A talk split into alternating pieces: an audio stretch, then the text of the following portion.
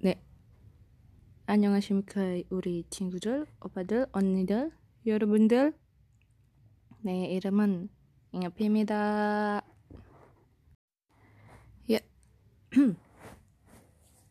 ini podcast khusus hari Minggu aja, tapi upnya nggak tahu hari apa aja. Bahas-bahas tentang K-pop, ih suara cicak kenceng banget. Ya ya ulang-ulang ini intinya bahas-bahas tentang K-pop karena gue suka K-pop. Nah karena ini episode perdananya, gue mau bahas kulit-kulit luarnya dulu aja, perkenalan dulu.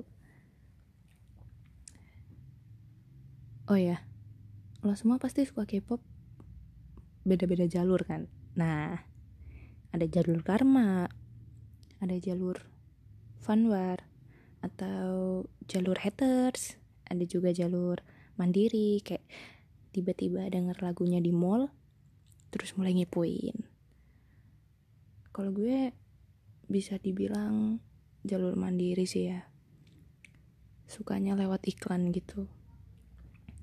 Gue pertama kali suka K-pop tuh sekitar tahun 2009an itu eranya VIXX, Suju, Girls Generation, Tunewan, Tiara, terus Double S 501, Shiny, Big Bang, Sistar, FX, terus AOA kayaknya tuh.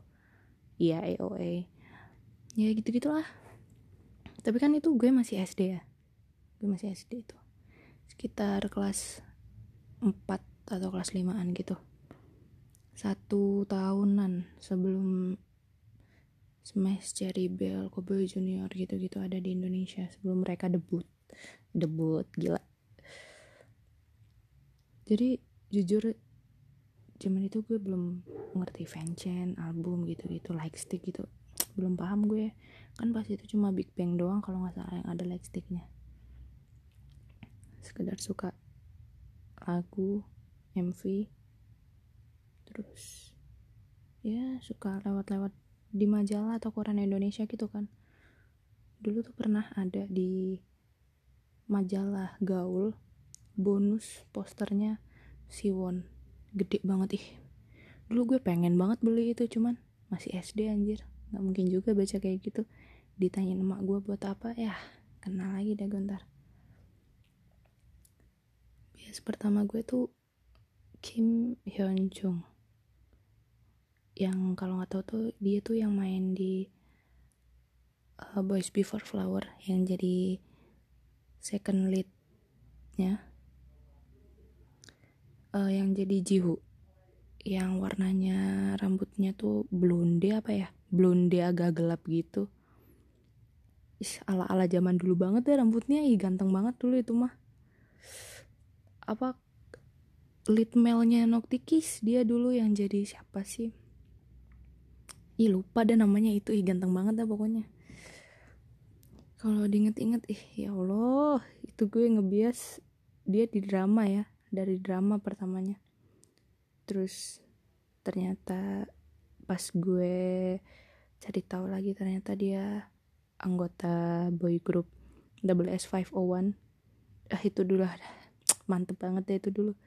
Cakep-cakep lagunya enak-enak ah baru deh setelah itu gue ke bener-bener ke K-popnya itu. Suju dulu.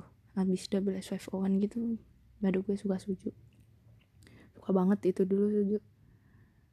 Bias gue di Suju tuh Rewok. Rewok tuh eh, gila cakep bener. Imut imut ya ih ya ampun imut banget. Kayak Baekhyun tapi ya versi. Kayaknya Baekhyun kalau tua kayak Rewok gitu masih imut-imut. Gila gila gila ya dari cerita ini alasannya random sih ya kenapa gue bisa suka K-pop. Ya karena mungkin pas itu lagi happening aja di Indonesia jadi gue juga nyangkut ke alurnya K-pop gitu. Tapi 2009 sampai tahun-tahun setelahnya emang gue suka K-pop tuh ya sekedar suka lagunya MV-nya tuh beda sama lagu-lagu Indonesia gitu. Gimana sih pendengar anak usia segitu kan pendengarannya kan ya masih Indonesia Indonesiaan lah. Pas dapet yang beda jadi kayak gue suka ih bagus ya lagunya gitu. Dan visualnya tuh kan oriental gitu kan muka mereka. Jadi cakep kalau kata gue mah cakep. Jujur sih nggak sampai yang gimana gimana yang ya nggak kayak fan girl yang sekarang lah. Uh, girl sederhana lah ya bisa dibilang kayak gitu gue dulu tuh. Nggak beli-beli apa pun cuman sekedar lihat YouTube lihat MV-nya terus dulu kan di TV kabel itu di rumah bude gue kan ada TV kabelnya tuh udahan. Itu hmm, ada Mnet MTV apa Mnet gitu lupa gue dulu. Itu ada suju jadi gue makin wah gitu. Ih zaman dulu banget ih gila zaman dulu bet. Itu orang yang udah punya album tuh zaman dulu tuh udah ih kaya banget ih gila. Beli album satu dong tuh kaya banget itu zaman dulu kayaknya. Zaman dulu emang beda banget dah sama sekarang tuh. Ih lanjut lanjut ya lanjut. Gue sekarang mau cerita serius nih tentang pengalaman gue di dunia K-pop. Dan ini bener-bener yang kenapa sih gue sampai suka banget sama K-pop tuh ini nih? Jadi tuh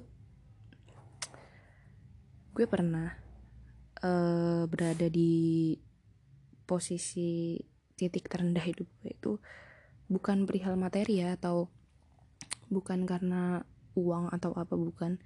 Tapi karena emang uh, kayaknya tuh kondisi mental gue lagi di bawah banget.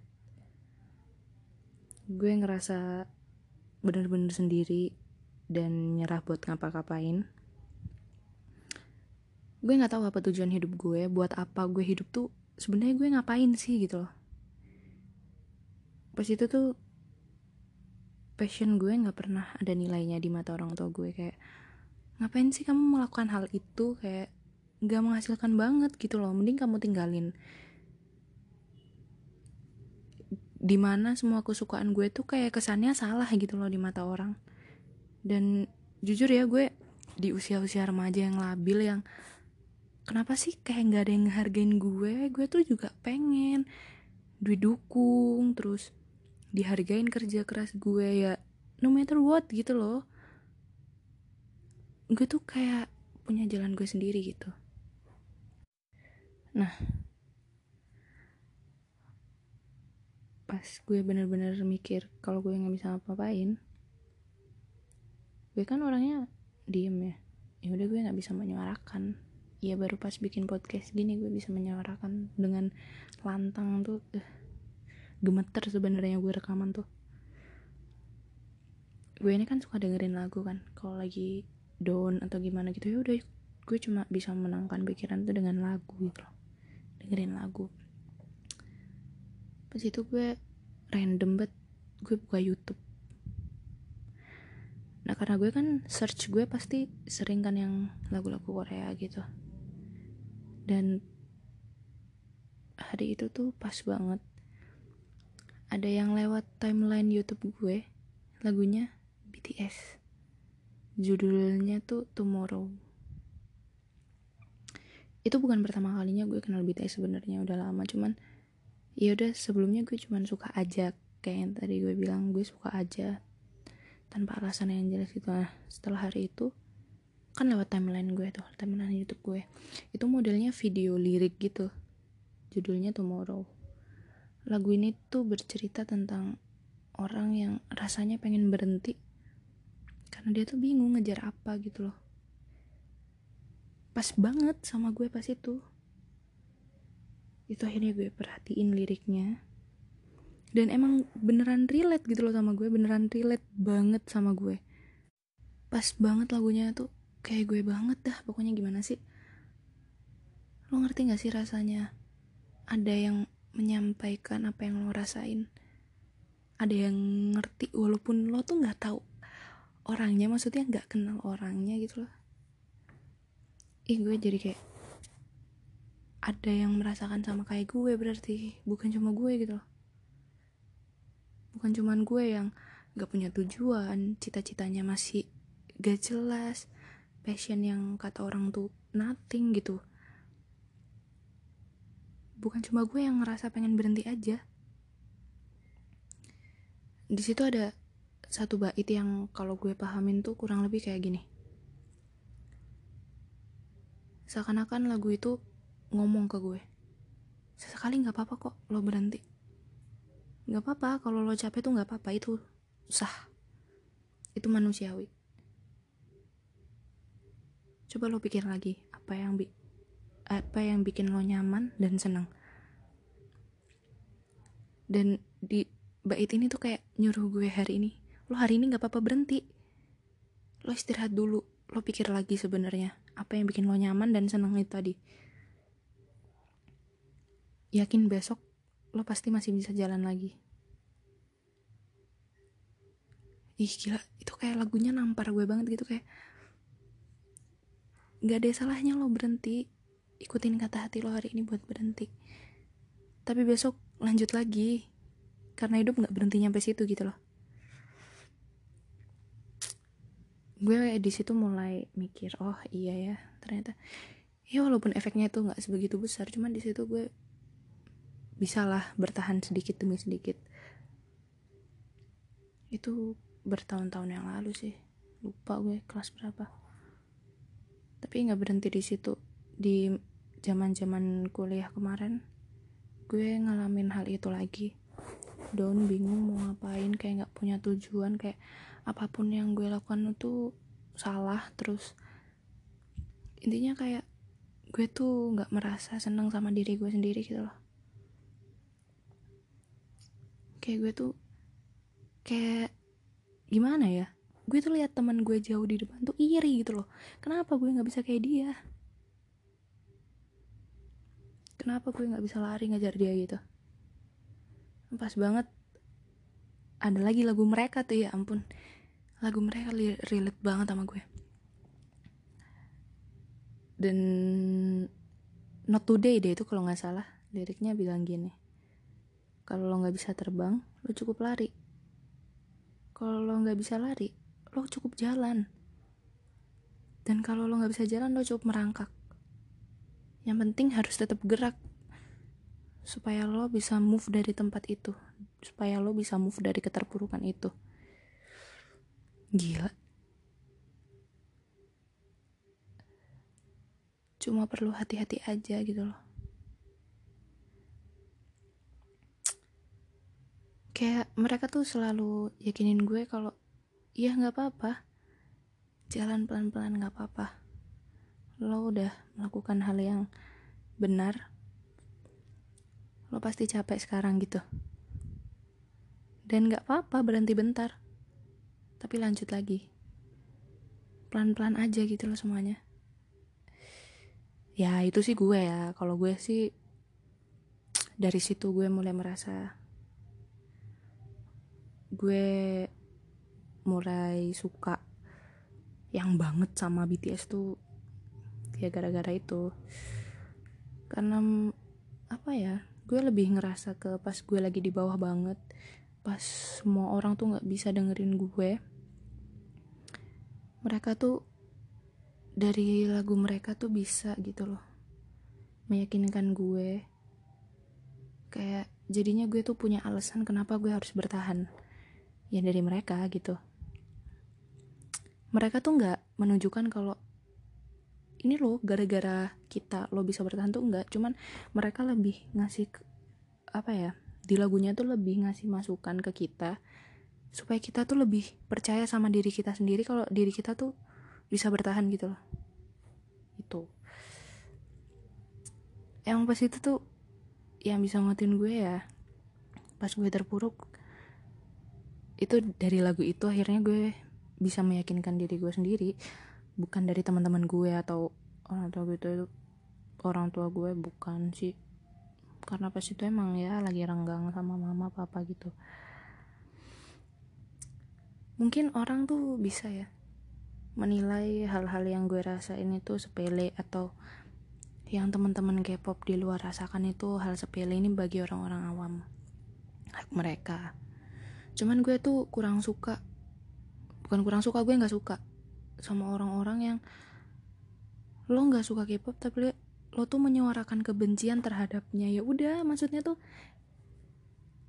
kita tuh ganggu apa sih gitu loh harusnya kan orang-orang tuh bisa menghargain hmm, selera atau kesukaan orang lain kan gitu loh. Soalnya sesuatu yang mereka anggap remeh itu belum tentu hal remeh buat kita. Itu nggak adil banget sih buat gue. Kayak kenapa sih kalau tuh kayak nggak suka banget sama gue? Kenapa? Lo nggak suka banget sama kita kita tuh kenapa? Kita pernah ganggu lo? Nggak pernah beli album juga duit kita sendiri. Lo juga nggak ngebayarin kalau kita mau nonton konser? Nggak sama sekali anjir. Gue ngambil duit lo buat beli like stick. Nggak juga kan? Gila parah banget tuh mereka yang ih sumpah kesel banget. Oh ya satu lagi. Gue tuh mau bilang sesuatu ini ini terpendam banget dalam hati gue. Ih pengen banget gue suarakan gue kan pernah bilang ya di uh, episode 2 talking itu yang kenapa lo berubah itu judulnya. Kalau segi pandang orang tuh beda-beda sudut pandang orang tuh beda-beda. Gue nih jujur gue mandang K-pop maksudnya mandang mereka tuh sebagai seniman. Gue mandang mereka tuh karena liriknya tuh mereka dapet bisa bikin gue bangkit dan mereka ya bisa menyuarakan isi hati anak-anak zaman sekarang yang galau terus stres nyari jati diri dan tujuan hidup mereka yang insecure yang berusaha bangkit.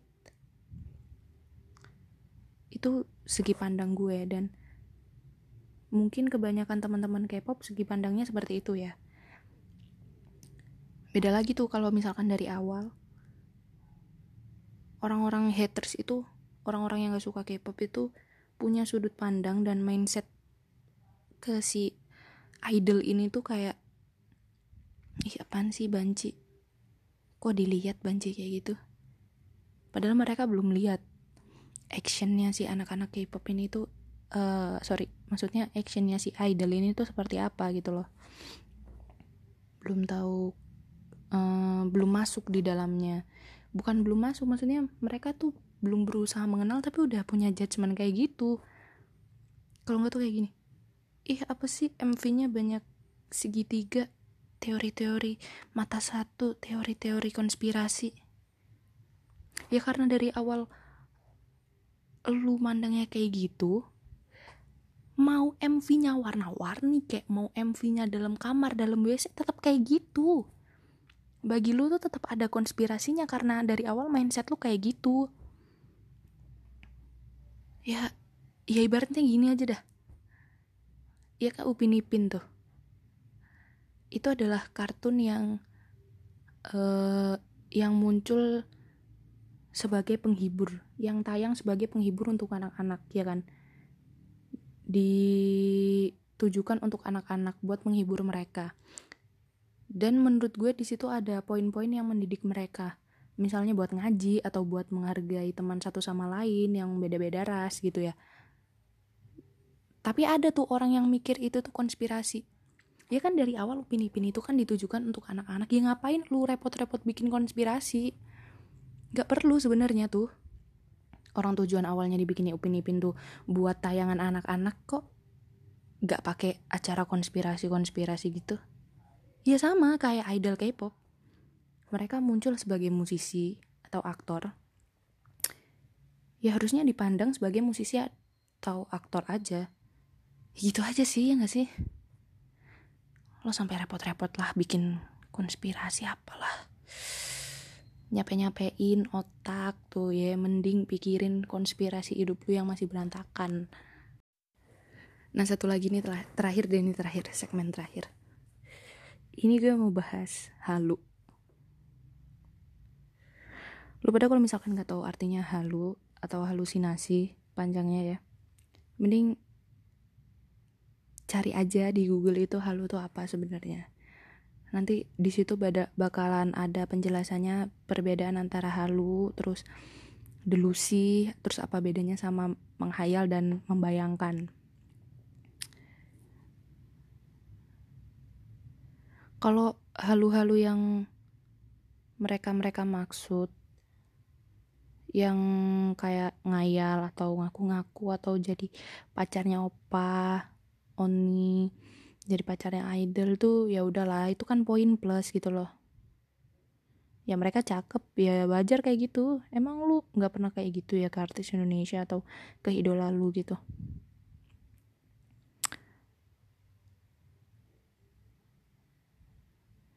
soalnya ih gue pengen banget ngomong ini soalnya kemarin tuh gue sempet baca tuh tweet di Twitter intinya si sender ini tuh kayak temennya bilang